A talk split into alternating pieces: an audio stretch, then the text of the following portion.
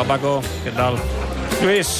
Què, com estem? Bé, bé, bé. Ja veus, avui ho tenim ple, això, eh? Sí, home, és un partidàs. Comença el Partidàs. febrer apassionant. No, i a més un bon horari i la gent està entusiasmada després de la remuntada de l'altre dia, eh? Mira, ara em passa per WhatsApp la Marta Carreras, l'11 també confirmat del València, sense sorpreses, eh? Neto a la porteria, Piccini, Garay, Paulista i Lato en defensa, per davant, amb aquest 4-4-2 de Marcelino, Vasco, Kelem, Parejo i Xerixef, i al davant Gamiró i Rodrigo, eh? que va estar Eh, Que va estar en ratxa. molt, molt encertat al partit de dimarts contra el Getafe. A mi el València em fa por, eh? Perquè el València és un equip que ha vingut a vegades allò de rebaixes al Camp Nou i ens ha donat algun que altre disgust. T'agrada l'11 del Barça d'avui de Valverde? Ja veus, eh? L'Englet té descans, també Jordi Alba...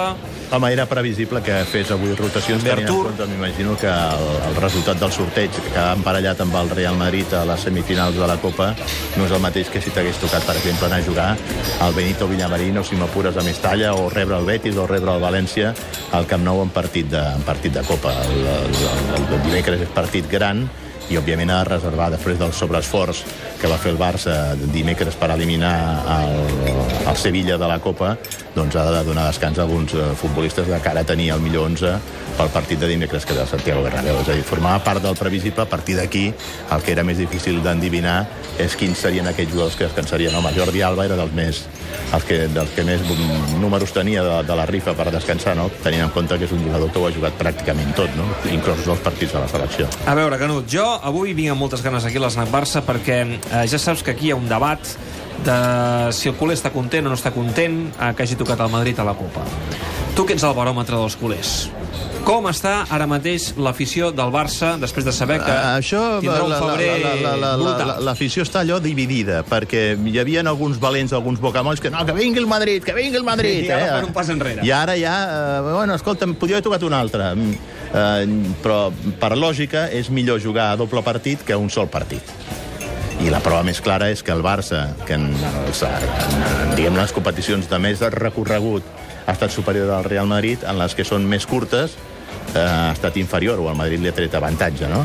Aleshores, millor, suposadament, jugar a doble partit que jugar un sol eh, partit. Ara, si a mi em demanes la meva opinió, jo m'hagués est- estimat més tenir en compte tal com està el calendari, trobant-los a, a la final. Ara, Sí?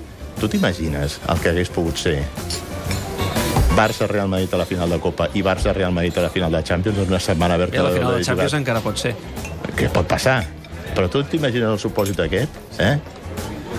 Bé, jo recordo, per exemple, que quan uh, Barça i Madrid es van trobar en aquella final de Copa amb Guardiola i Mourinho, eh, vam tenir... Uh, Quatre- quatre clàssics en qüestió de- de dos, Un a tres la anys. Lliga, un a la final de Copa i dos a la Champions, dos- a les a semis, a que el Barça va semis, passar. Sí, sí, sí. sí home, a mi- a mi el que em molesta d'aquesta eliminatòria és el fet de que després, al cap de quatre dies, t'has t'has d'enfrontar també amb ells a la Lliga i una altra vegada al Bernabéu. Però no? qui té més a perdre?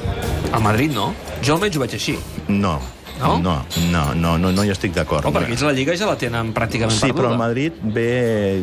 S'ha parlat bastant, i vosaltres que teniu a vegades el comentari del Relaño aquí en el programa i tal, s'ha parlat molt de que aquest podria ser un any de transició. Després, quan, quan ve un equip de guanyar, de tenir la panxa plena d'haver guanyat tres Champions consecutives, crec que el Madrid aquest any, si no guanyés res, per ells tampoc seria allò un autèntic desastre.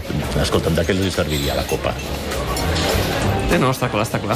Aleshores, jo crec que si juga més al Barça, que és el que ha de demostrar que és Però millor... clar, no és el mateix quedar eliminat a la Copa eh, davant del Barça a les semifinals quan estàs a un pas eh, de la final i sabent que la Lliga no et va bé, que per tant No, home, només, només et queda et la dic una Champions. cosa, dimecres a Madrid els hi va canviar el rictus de la cara, eh? Quan ja donaven per fet que la Copa la I tenien els guanyada. inputs que arriben des de Madrid no són precisament triomfalistes com ha passat en d'altres ocasions. Bueno, perquè són conscients, tot i que el Madrid ha millorat molt en el seu joc en les dues últimes setmanes, això sí que és veritat, però també són conscients que el Barça, aquest Barça fa por. És, aviam, si, si, si a qualsevol dels equips que estaven en el bombo li dius a quin rival no volien veure, tots haguessin dit que el Barça, per sobre del Real Madrid. Per tant, el Barça és un, és un, és un rival que fa por perquè, escolta'm, és capaç de- de- d'agafar un equip com el Sevilla, que et ve en dos gols d'avantatge aquí al Camp Nou, i fer-li la destrossa que li va fer. Encara està vibrant, eh, el culer, del que va passar va aquesta setmana. Ara estirar orelles els que no hi van anar-hi, eh?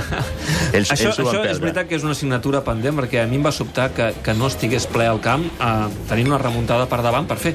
Home, aviam, jo després d'escoltar Piqué i la mandra que et feia anar a jugar a dos quarts de deu No de la nit. convidava que hi hagués no, una Ara, vaig ser a la gala a Mundo Deportivo i quan vaig sentir a Messi tocar Arrebato, allò sí que era Arrebato, no l'himne del, del, del, del, del Sevilla que va composar l'Arrebato, escolta'm, firmes i cap al Camp Nou. I crec que em sembla molt malament els que aquests 25.000 que van decidir veure-ho des de casa i, uh, i acollir-se a la comoditat del sofà de casa no assistir a la, a la, a la crida de Leo Messi. Això és un acte de deserció que hauria de ser constitutiu de retirada d'abonament i de carnet. No t'imagines, això, això estaria molt bé.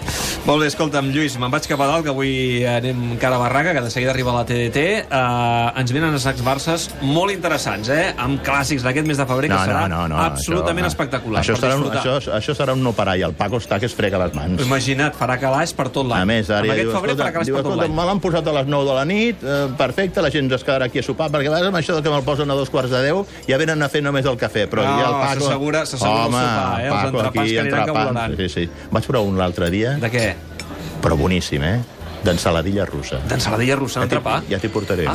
ja t'hi portaré el lloc on, me'l- on me'l van servir. Ah, val, val, val. Bueno, no, jo- pensava que deies que era del Paco. Dic, No, no, el Paco, el, pa, el, no pa, el. Paco m'hi va, va portar el Gregori Salas. Val, ja, el nostre amic de la penya Ah, el gastronòmica nostre penya de Penyes. No farem publicitat del lloc, per tant, doncs, però... M'hi portes un dia. Vinga. Gràcies, Canut. Que vagi Adéu, molt bé. adéu, Paco. Adéu. Subscriu-te al podcast de l'Snac Barça. Totes les converses del bar del Paco en un clic.